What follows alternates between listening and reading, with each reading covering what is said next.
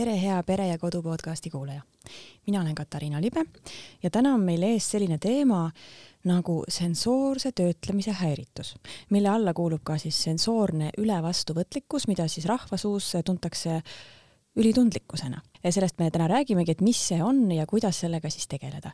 ja selleks on mulle külla tulnud Confido meditsiinikeskuse tegevusterapeut Heldi McCaskill. tere, tere.! Ehm, mida tähendab tegevusteraapia? Mida teeb tegevusterapeut? No tegevusterapeudi üks selliseid ähm, võib-olla põhitõdesid, äh, millest ta lähtub, on see, et äh, inimene on tegevuslik olend. ehk siis äh, me realiseerime ja arendame ennast läbi tegevuste. ja tegelikult meie terve päev on täis tegevusi.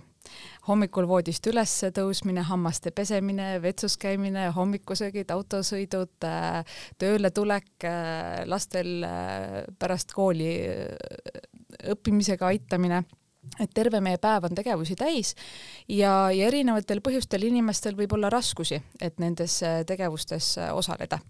ja tegevusterapeut vaatabki siis inimest äh, tema funktsiooni poolest, vaatab kognitiivseid võimeid, sotsiaalseid võimeid, sensoorseid võimeid, füüsilisi ehk siis noh, neid motoorset poolt ja, ja üritab üles leida, mis on inimese tugevused ja mis on võib-olla need keerukad kohad, äh, mida siis kas saaks edasi arendada või äkki saaks kasutada mõnda äh, muud meetodit, et tegevusterapeudid tihti kasutavad erinevaid abivahendeid ja kohandavad ka keskkonda selleks, et see sobiks inimesele. aga eesmärk on alati sama, on see, et inimene saaks osaleda nendes tegevustes, mis on talle olulised või mida ta lihtsalt peab ära tegema, sest paraku on, on ka neid meil palju nii et kas tegevusterapeudi vastuvõtt on siis selline füüsiline, kas seal siis tehakse midagi või see on rohkem selline verbaalne, et räägitakse tegemisest?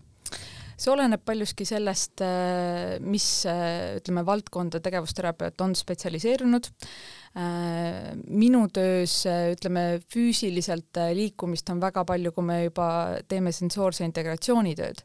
Ähm, aga üldiselt äh, kabinetis on siiski väga palju rääkimist ja, ja, ja räägime teemadel nagu, mis on meie tegevuslik tasakaal, ehk siis mis tegevusi inimene teeb, on mingit laadi tegevust ehk liiga palju ehk liiga vähe, tihtipeale inimestel on liiga vähe, ütleme, enesehoiutegevusi Äh, ja, ja liiga palju neid produktiivseid tegevusi, et tehakse liiga palju tööd, äh, võib-olla õpitakse ka kõrvalt ja nii edasi. Äh, ja, ja palju on ka sellist, ütleme, üldist heaolu säilitavat, mis toetab tegevustes osalemist, et unehügieeniga teeme palju tööd ja üldse selliste tervislikemate eluviisi puudutavate küsimustega mm. -hmm. hästi, lähme siis selle põhiteema juurde, milleks on siis sensoorse töötlemise häiritus. kõigepealt ma küsiks seda, et, et kuulajad nüüd ära ei kaoks, et nad ei arvaks, et see on nüüd miski, mis neid üldse ei puuduta, et kui paljusid inimesi see puudutab?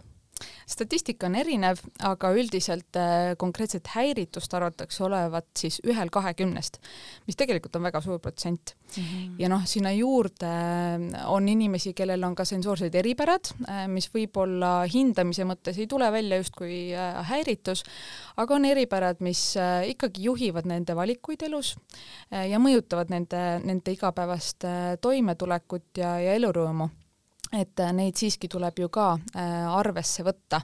Ja, ja noh, ma, ma eeldan siinkohal, et see protsent äh, on võib-olla veelgi kõrgem.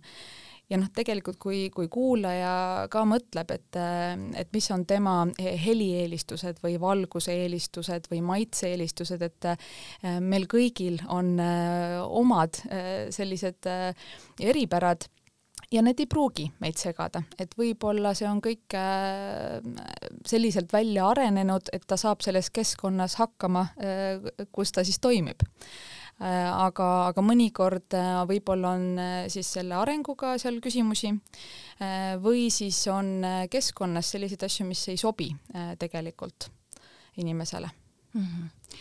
mis see sensoorse töötlemise häiritus siis on, kui me nüüd hästi lihtsalt maakeeli selle lahti seletaks? Ehm, kui meie sensoorne integratsioon toimib nii, nagu ta, ta võiks toimida, siis äh, see tähendab seda, et äh, kõik stiimulid, mis me saame enda keha seest, ja, ja oma keskkonnast. me saame neid läbi kaheksa sensoorse süsteemi, et lisaks meie viiele süsteemile, mida meil tavaliselt teatakse, on meil ka vestibulaarne süsteem ehk siis meie tasakaalumeel mm, -hmm. mis on meil kõrvas ja, ja, ja siis on meil veel propriotseptsioon, mis on selline keeruline sõna, aga, aga lihtsalt öeldes on ta meie kehataju ehk siis äh, see, kuidas ähm, me praegu näiteks äh, siin rääkides teame, et me, meie jalad on, on teatud kohas või meie käed, võib-olla küünarnukk nõjatub lauale, ilma et me seda vaataks. aga kas see ei ole kompamismeel või? Äh, see jah, selles suhtes äh, kompamis meil on puutetundlikkus mm. -hmm.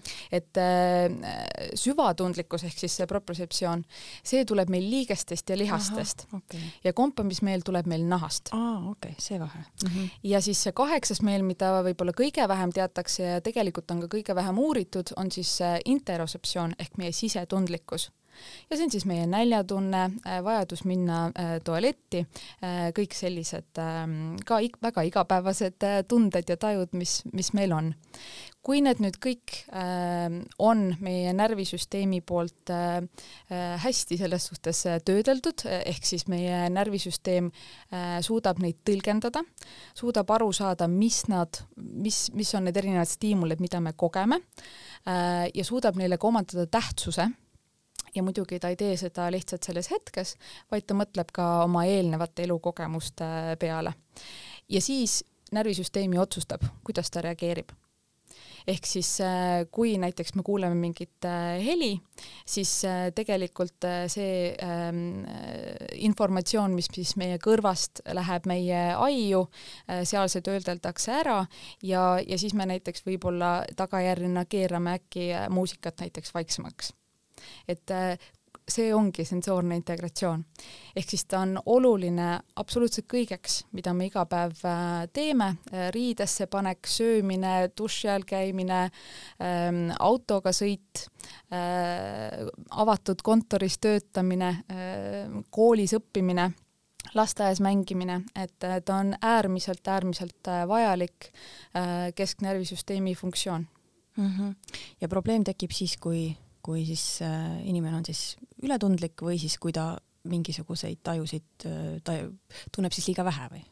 jah, see, see võib olla, et ne, neid selliseid, ütleme, mustreid on erinevaid äh,. on siis seda, kus inimene võib-olla kogeb stiimulit liiga, liiga intensiivselt liiga pikka aega aga võib-olla just vastupidi ja, ja tegelikult see on ka ju päris ohtlik, et kui näiteks valu ei tunneta õigesti. Ja, ja siis on veel sensoorselt otsiv. Äh,, tihtipeale just äh, laste puhul me näeme seda lapsed, keda siis äh, võib-olla öelda, kirjeldatakse justkui hüperaktiivsed aktiivseid, nad hästi palju hüppavad ringi, jooksevad ringi, lükkavad asju ja tegelikult nad üritavad ennast reguleerida aga, aga sensoorselt otsiv on selline keeruline muster, kus tegelikult stiimuli juurde saades see ei aita närvisüsteemile seda organiseerida, vaid ajab seda veel rohkem vussi. ja see on võib-olla see koht, kus ka öelda just, et väga tähtis on aru saada, et mis täpselt seal siis toimub ja siis on veel, on sensoorne eristamine, kus võib-olla äh, ei saa aru, mis on täpselt need omadused. Äh, et näiteks kui me mõtleme kuulmise peale, siis ähm, inimestel, kellel on võib-olla keeruline helisid või sõnasid äh, eristada, et asi võib olla selles, et äh, ta võib-olla kogeb kogu heli, nii seda äh,, mida näiteks vastas olev inimene räägib, kui ka taustamüra samal tasemel, ehk siis on väga keeruline äh, pöörata ju tähelepanu kõigele.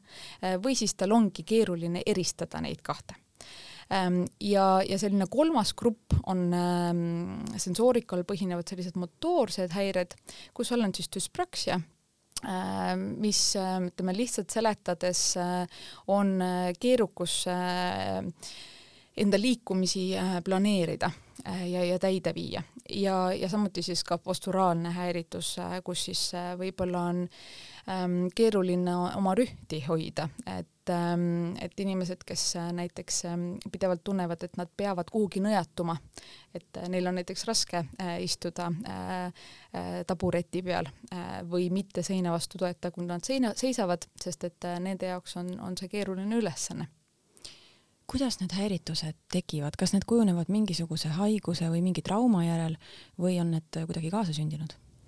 Äh, no seal on hästi palju erinevaid äh, nagu võimalusi, äh, et eks seal on omajagu geneetikat nagu, nagu ikka, eriti neuroloogiliste probleemidega on, aga väga palju mõjutab ka see, milline oli rasedus, milline oli sünnitus, kas pärast sünnitust näiteks laps on olnud intensiivis, mis on olnud varajane areng ja, ja trauma äh, väga palju äh, mõjutab, äh, et seda on juba teadustöö päris noh, korralikult on seda juba uuritud, et kui ikkagi on erinevad traumakogemused, siis meie aju on ju plastiline, ta ju muutub pidevalt vastavalt sellele, kuidas, kuidas ja mida me elus kogeme ja aju on väga mõjutatud ju traumast.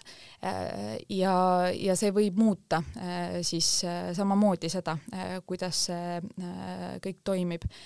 kõige rohkem ütleme sellist ähm, komorbiidsust või siis sellist ähm, ähm, mille puhul äh, selliseid sensoorse integratsiooni raskusi esineb, äh, mida siis on nähtud, on autismi puhul ja autismis tegelikult sensoorsed eripärad on ka selles diagnostika kriteeriumis äh, täna juba sees Äh, aga väga palju on seda ka aktiivsus-tähelepanuhäire puhul äh, ja oma praktikas ma ka äh, seda näen.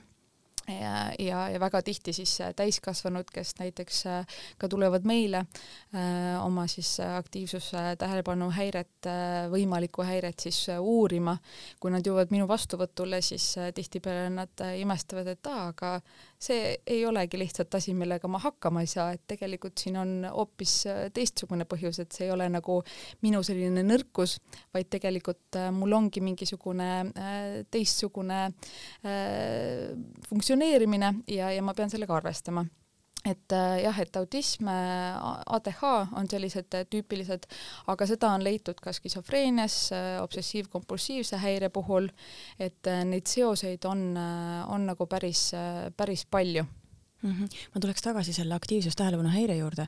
esiteks on see ilmselt väga paljudele lapsevanematele tuttav teema ja nüüd on seda üha enam siis hakatud diagnoosima ka täiskasvanutel. et millised eripärad või millised, millised häiritused siis on ATH-ga inimestel? No hästi palju asju on tegelikult sarnased. et ähm, kui me mõtleme näiteks lapse peale äh,, ke-, kellele võib-olla kahtlustatakse või on diagnoositud äh, ATH, siis äh, tihtipeale nad on ju need püsimatud lapsed, kes tahavad hästi palju riiku, liikuda, nad ei äh, suuda paigal püsida äh, klassiruumis äh, või, või lasteaias, kus iganes äh, nad sellel hetkel on äh,. et see liikumine äh,, impulsiivsus äh,, keerukus kontrollida oma emotsioone, sest et äh, sensoorne regulatsioon ja emotsionaalne regulatsioon on väga tihedalt seotud ja, ja noh, jällegi, kui sensoorne integratsioon on häiritud, siis üks tagajärgedest tihtipeale on see, et ka emotsionaalne regulatsioon on häiritud. et selles suhtes seal on jällegi hästi palju nagu kattuvust ja noh, ütleme teaduskogukonnas käib nagu debatt, et et noh, mõne, mõne asja puhul äh, ei ole suudetud kokku leppida, et kumb on siis ikkagi kumb ja noh, tegelikult palju see nagu noh, ma ei tea, tähendust äh, võib-olla omab, et, äh, et see on ju siiski inimese kogemus ja, ja, ja üritame siis proovida erinevaid lahendusi sinna nagu rakendada ähm,. Jah, ma ütleks, et neid kattuvusi on palju. Ma küsiks selle ATH kohta ikka, et kas siis ATH-ga inimestel on siis ülevastuvõtlikkus või alavastuvõtlikkus pigem? noh, üldiselt äh, praktikas ja, ja, ja, ja ka kirjandus näitab, et pigem äh, on neil äh, seda ülevastuvõtlikkust. Ehk siis seda äh, stiimuli intensiivset kogemist äh, on palju. Äh, ja, ja tihtipeale nad ütlevadki, et, et nad juba kodus on teinud mingisuguseid kohandusi, eriti täiskasvanud, et neil on ainult teatud äh, temperatuuriga lambipirnid, äh, neil on kõik hämardatud näiteks. Ähm, mul on, käib täiskasvanuid, kes ka lähevad selle asemel, et ütlevad, et raskustekk näiteks neil ei tööta ja noh, raskustekiga tegelikult niigi seal on palju teaduslikke nagu küsimusi, aga nad ütlevad, et see neil ei tööta, nad tõmbavadki näiteks diivaneid kõik padjad maha ja lähevad nende nende alla, sest neil on vaja seda tugevat survet, et ennast reguleerida. või nad käivad näiteks äh, jäävannides, et ennast reguleerida. et tihtipeale on sellised huvitavad strateegiad äh, välja nagu arenenud juba inimesel ähm,. aga ei pruugi olla see ülevastuvõtlikkus, et võib olla samamoodi jällegi seda eristamist eriti mis puudutab kõne, äh, et äh, kui me ei saa tegelikult aru, mida me peaksime kuulama, kas seda taustamüra või seda, mis mul, äh, ma ei tea, laps või abikaasa või, või töökaaslane räägib, siis ongi väga raske ju tähelepanu pöörata ja ei jäägi midagi meelde aga mida ma olen näinud praktikas ja mis minu jaoks on võib-olla olnud selline huvitav nüanss, on see, et päris palju on ka düspraksiat ATH diagnoosiga inimestel. Ehk siis näiteks ähm, kui visata neile palli või paluda neil palli visata, et neil on keeruline planeerida seda liikumist Äh, või siis sellised äh, koordinatsiooni äh, sellised harjutused, et need on, need on neile keerulised ja, ja võtavad palju harjutamist, et, et toime tulla nendega. Mhm, näiteks mina ei suuda ka palli kinni püüda, et ma olen alati mõelnud, et et see on nagu harjutamise küsimus et ma ei ole väga nagu sportlikult andekas.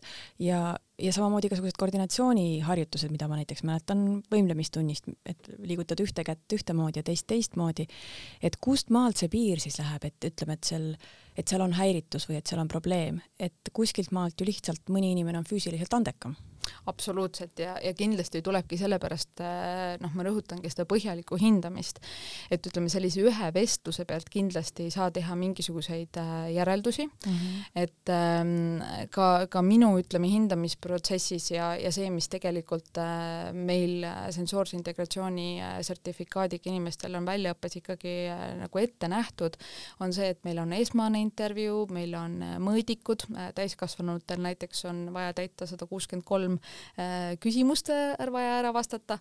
Ähm, e, lastel on omad mõõdikud ja siis sinna otsa on veel kliinilised vaatlused, kus, kus tegelikult ongi see, et tulebki testida erinevaid, tuleb testida tasakaalu, äh, tuleb te testida äh, just nimelt seda motoorset, ütleme, osa, et kuidas inimene liigub, kuidas ta näiteks ei liigu, kas ta oskab ähm, õigesti arvestada äh, näiteks äh, raskusi, survet, kui ta teeb mingeid asju.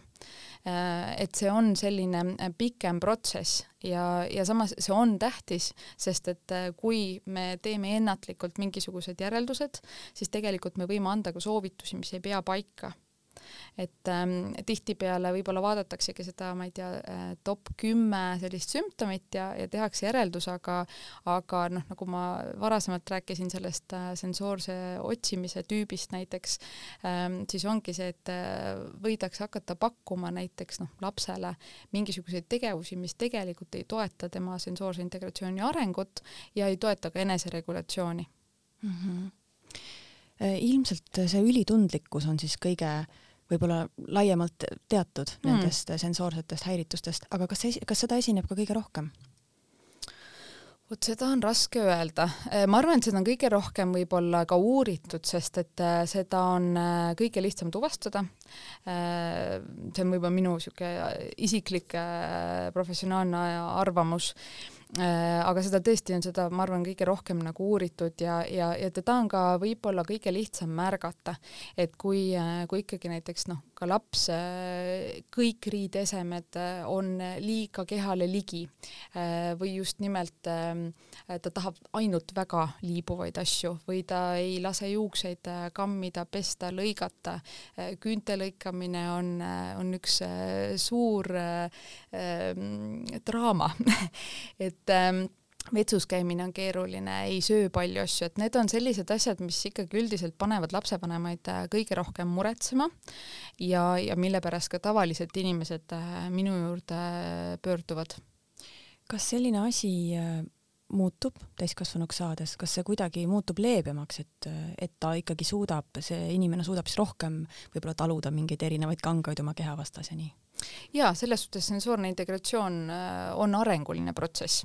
et äh, ja noh, nagu ma enne ütlesin, siis meie aju on ju plastiline ja, ja mida rohkem sellist arengut toetavat äh, kogemist meil elus on, seda rohkem tekib igasuguseid seoseid, mis, mis aitavad meil sellega toime tulla, et võib-olla üks selline viga, mida tihtipeale tehakse, ongi see, et et ma tean, et mina või mu laps või, või kes iganes ei talu mingeid asju, ma lõpetan lõpetan selle täiesti ära.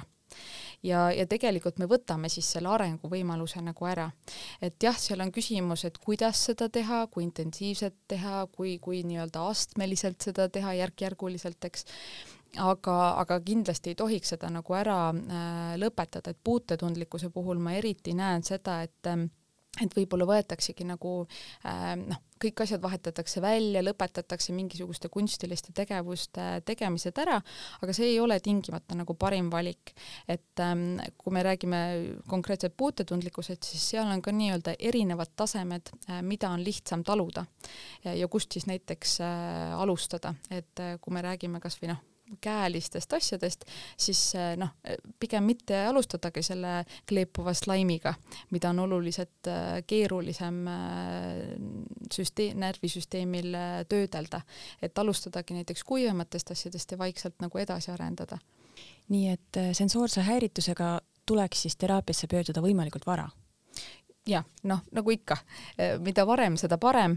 Ehm, ja, ja noh, muidugi see, kas on konkreetselt eh, näidustatud eh, sensoorse integratsiooniteraapia, mis on väga spetsiifiline teraapiavorm, see tuleb juba nagu hindamise käigus välja.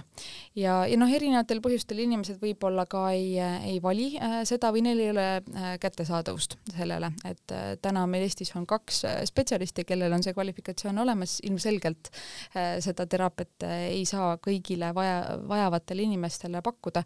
küll aga meil on äh, spetsialiste, kes oskavad äh, nõustada äh, sensoorsete eripärade osas, kirjutada välja sensoorseid dieete, äh, selliseid nii-öelda koduprogramme ja, ja võib-olla ka anda nõu, et kuidas siis seda kodukeskkonda või koolikeskkonda kohandada. tihtipeale on nad tegevusterapeudid, aga, aga ka logopeedid mm. -hmm. kas sensoorsed eripärad võivad mingis olukorras ka plussiks tulla? Et äh, kas äh, inimesel on võimalik neid enda kasuks pöörata? jaa, ma arvan küll, et äh, noh, enne me rääkisime ATH-st ja tegelikult paljud inimesed, kellel võib-olla on ATH diagnoositud, nad on oma erialal äkki väga suured tegijad, just nimelt nende eripärade tõttu.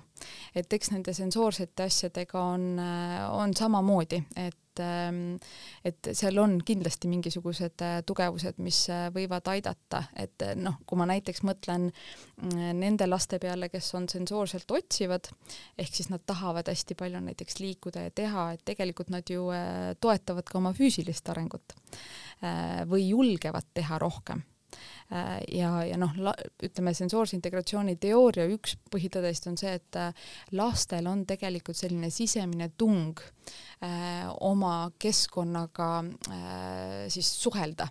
Ja, ja tavaliselt nad teevad ju seda läbi mängu. Ja kui, kui ei ole, kui laps ei tunne, et keskkond on talle ohtlik, mida tihtipeale siis ülevastuvõtlikkuse puhul keha just nimelt ko kogeb seda ohuna, siis ta, ta läheb ja kogebki seda keskkonda ja, ja tal on väga rikkalikud äh, arengukogemused. kas ka näiteks ülitundlikkus võib mingis olukorras kasuks tulla? Jaa, tihtipeale inimestel, kellel on äh, ülitundlikkus, äh, nad on enesest väga teadlikud, enda vajadustest väga teadlikud. Ja, ja ma arvan, et see on väga suur tegelikult äh, tugevus, sest et äh, mõnikord me kipume unustama oma vajadused ja, ja neil on tavaliselt väga hea arusaam, et mulle sobib see, mulle see ei sobi ja, ja see aitab äh, tegelikult ju ka äh, igapäevaselt valida selliseid keskkondi ja tegevusi, mis äh, inimesele kõige rohkem rõõmu toovad mm. -hmm. ma arvan, et me tegime piisava ülevaate sellest, et äh, millised siis on sensoorsed häiritused ja kuidas siis äh, lapsevanem saaks aru, kas ta lapsel on midagi sellist või mitte. Kuidas siis nüüd tuleb teraapiasse, siis äh, mida seal teraapias tehakse ja kuidas saab siis aidata sel lapsel paremini toime tulla? sensoorse integratsiooni teraapial on väga konkreetne kriteerium.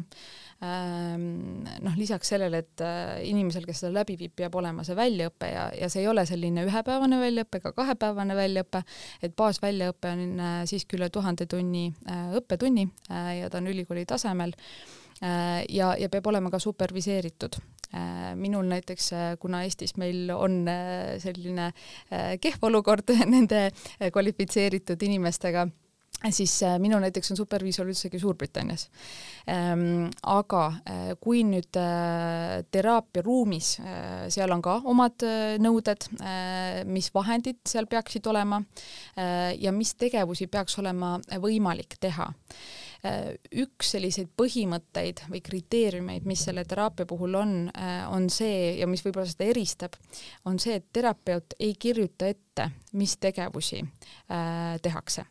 terapeut loob võimalused oma vahenditega ja, ja noh, muidugi oma selle kliinilise mõtlemisega, et missugust sensoorset süsteemi võib-olla stimuleerida rohkem, vähem Äh, kuidas äh, seanssi alustada või lõpetada, aga tegelikult äh, see seanss peab olema juhitud lapse poolt.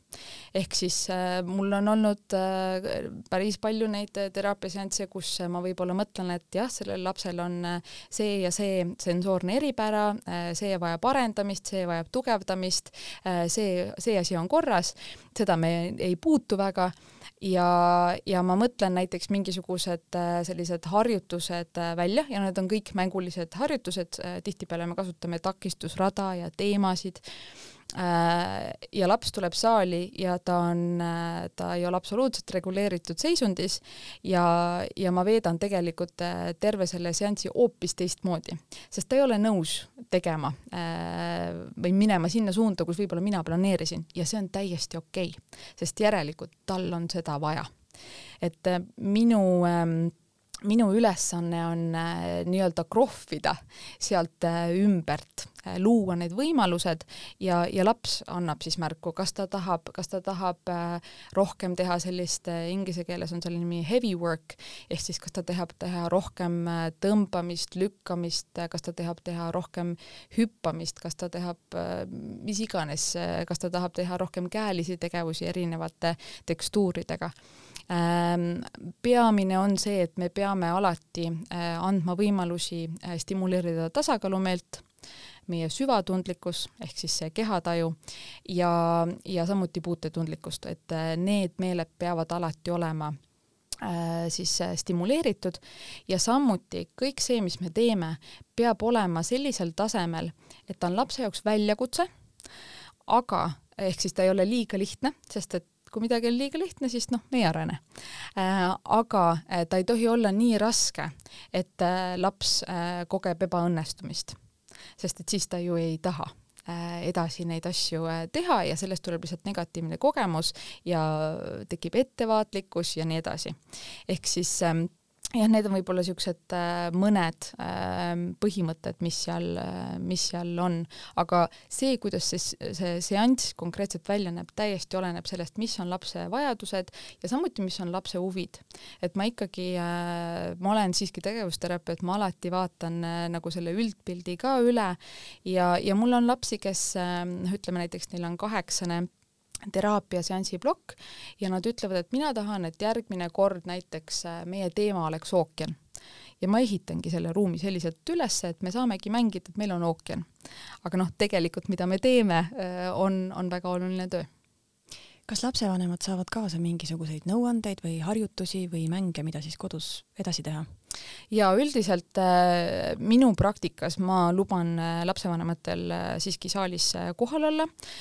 Nad on küll passiivsed, et selles suhtes nad ei ole verbaalselt selles suhtes seotud ega, ega ka füüsiliselt et nad tõesti on seal sellised kärbes seina peal aga alati tegelikult lõpuks ikkagi lapsevanemad näevad mingisuguseid asju, mida me võib-olla teeme, mõtlevad, oh, seda ma võiks ka kodus teha tihtipeale nad küsivad küsivad abivahendite kohta, et äh, kas ma võiks koju osta näiteks selle pähklipalli või, või, ähm, või mingisugused äh, vibreeriva padja või, või noh, mis iganes erinevad äh, sellised vahendid, mis minul seal on, sest nad näevad, et nendele lastele väga see meeldib ja, ja see, ja see, ja seda võiks kodus ka nagu proovida ja, ja noh, tihtipeale lisaks sellele otsesele teraapiale lapsele, lapsega ähm, ma annan ka koduprogrammi, mis siis koosneb äh, teatud tegevustest, jällegi vastavalt selle lapse vajadustele äh,, mida siis võiks kodus teha.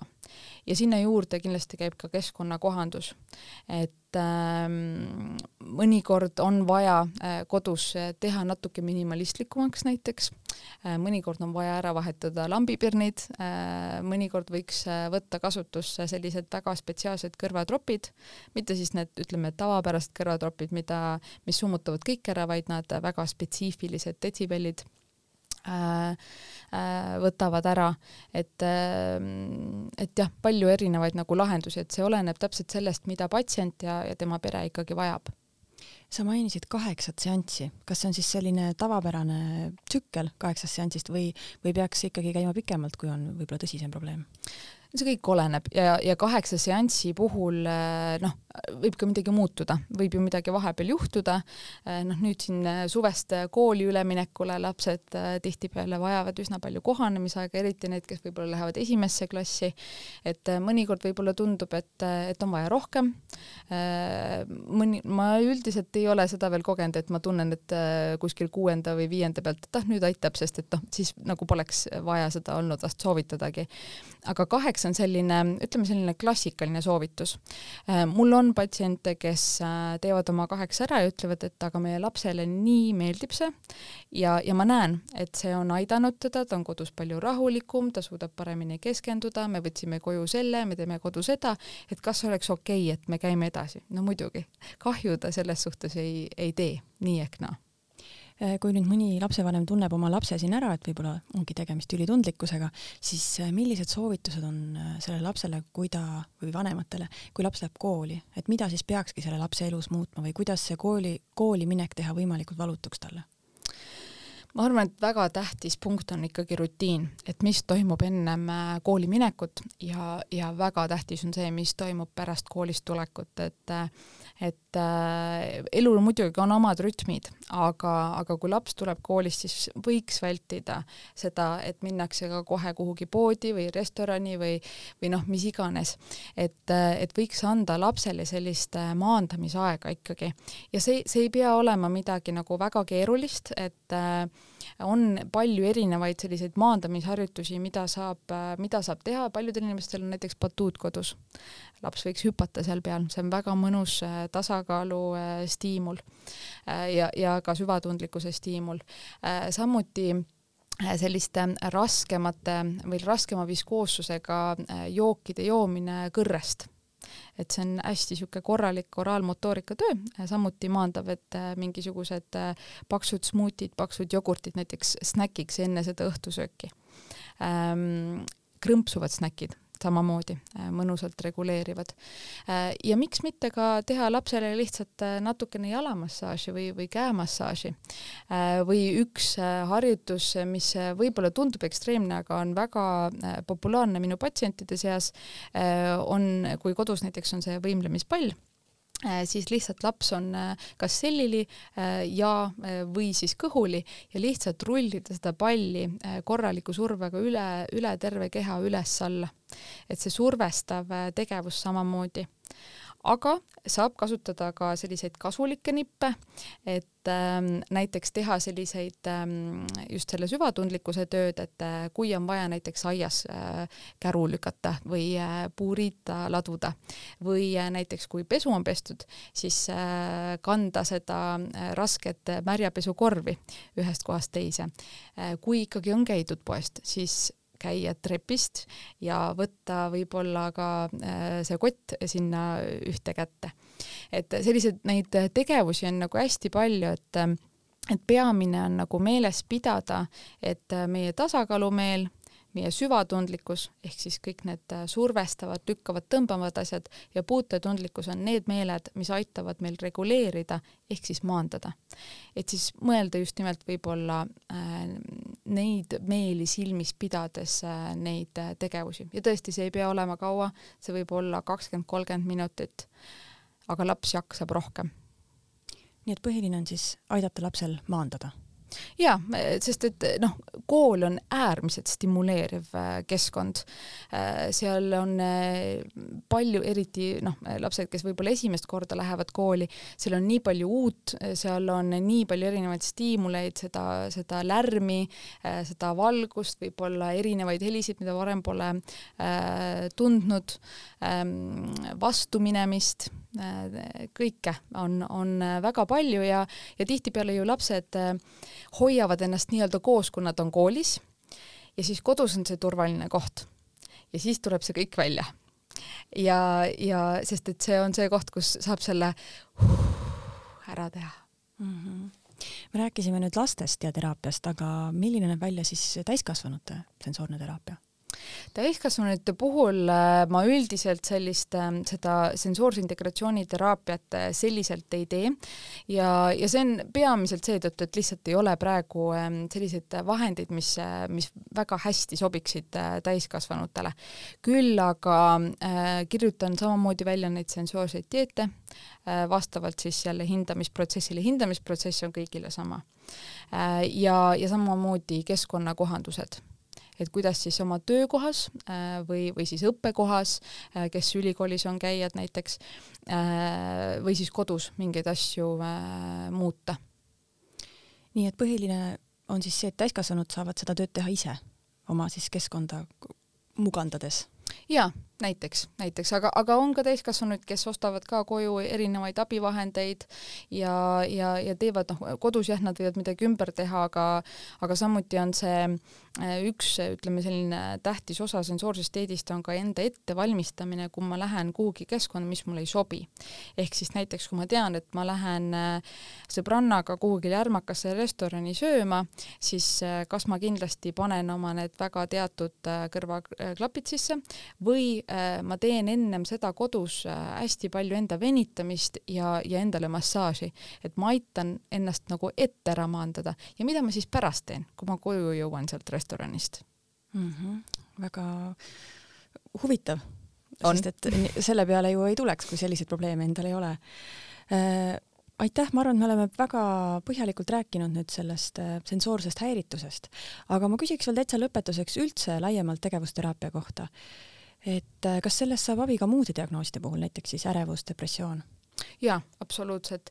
et äh, nagu ma ütlesin, me kõik oleme tegevuslikud äh, olendid ja, ja realiseerime ja, ja arendame ennast selles suhtes läbi tegevust, et vahet ei ole, mis see diagnoos on. ja lõppude lõpuks diagnoos ei ole inimene. see on, see on üks selline meditsiiniline termin, mis on võib-olla pandud äh, sümptomite kogu pealt, et ka muidugi aidata inimesel ennast võib-olla mõista ja oma olukorda mõista, aga, aga see ei ole ju terve inimene aga mida see tegevusteraapia siis sellisel puhul tähendab, kas samamoodi tema siis keskkonna ümberkohandamist või? Eh, noh, võib-olla, aga väga tihti noh, ärevuse ja, ja depressiooni puhul on äh, on seda motivatsiooni kadu äh,, seda anhedooniat ehk siis seda, et inimene ei tunne enam rõõmu äh, oma tegevustest ja, ja selle puhul pigem me vaatamegi seda, et aga, aga mis inimest sisemiselt tegelikult motiveerib. et me teeme väga palju asju välise motivatsiooni pealt, mis teised arvavad, mis teised nõuavad, mis on sotsiaalselt ette nähtud, mis iganes.